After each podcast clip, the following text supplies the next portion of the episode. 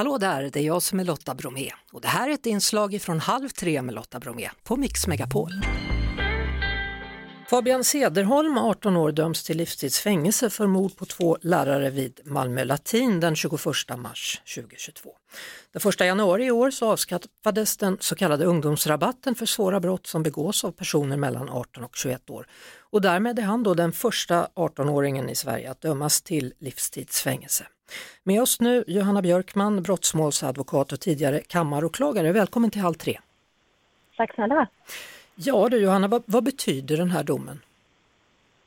Ja, men den betyder flera saker. Det, det första är ju det som du var inne på att vi nu sen ja, 1 januari kan döma så pass unga människor som är 18 år till livstidsstraff. Eh, det har vi inte kunnat göra tidigare. Vi har pratat om att ungdomar inte riktigt så att säga psykiskt och fysiskt är vuxna. Man har behandlat dem annorlunda och då har man också straff och påföljdsmässigt behandlat dem annorlunda. Det gör vi inte nu, utan nu kan man som 18-åring då även få ett livstidsstraff. Det är det ena.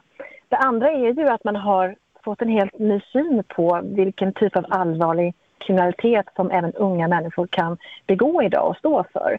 Och det är alltså en, man kan säga att det är en sorts politisk utveckling som man har föranstaltat då att man gör den här typen av förändringar. Mm. Det är många då som räknar med att det här kommer överklagas. Varför det? Ja, det har vi nog alla gjort. Eh, åklagaren yrkade ju på ett livstidsstraff. Eh, försvaret har ju försökt att lyfta en del omständigheter som skulle göra att man skulle ha ett, ett tidsbestämt straff.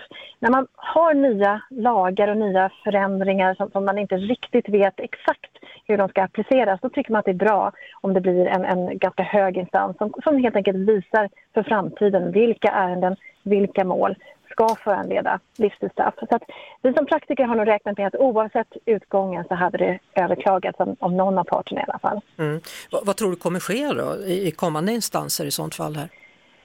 Ja, det lyssnade jag i morse lite grann på, på den domaren som har eh, avkunnat den här domen och hur man har resonerat. Och man har ju använt den paragraf som finns och man har gått igenom de omständigheter som, som finns. Så att mycket tyder på att det här kommer stå sig. Men det kan kanske bli så att vi får en, från hovrätten en lite mer utökad lista på omständigheter.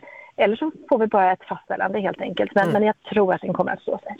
Hur ser du på att en sån här dom kommer precis innan, innan ett val?